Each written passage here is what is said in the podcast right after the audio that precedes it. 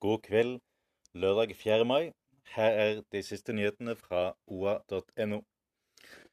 Butikkeier Dag Erland Olsen i Gjøvik reagerer på Dag Arnesens uttalelser på Facebook.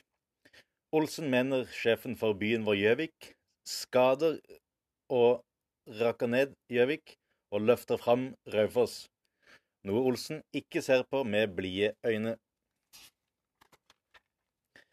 17. mai-feiringen har tæret på korpsene i landkommunene, og med ytterligere mannefall i år ser de seg nødt til å droppe all annen aktivitet enn det å spille i barnetog.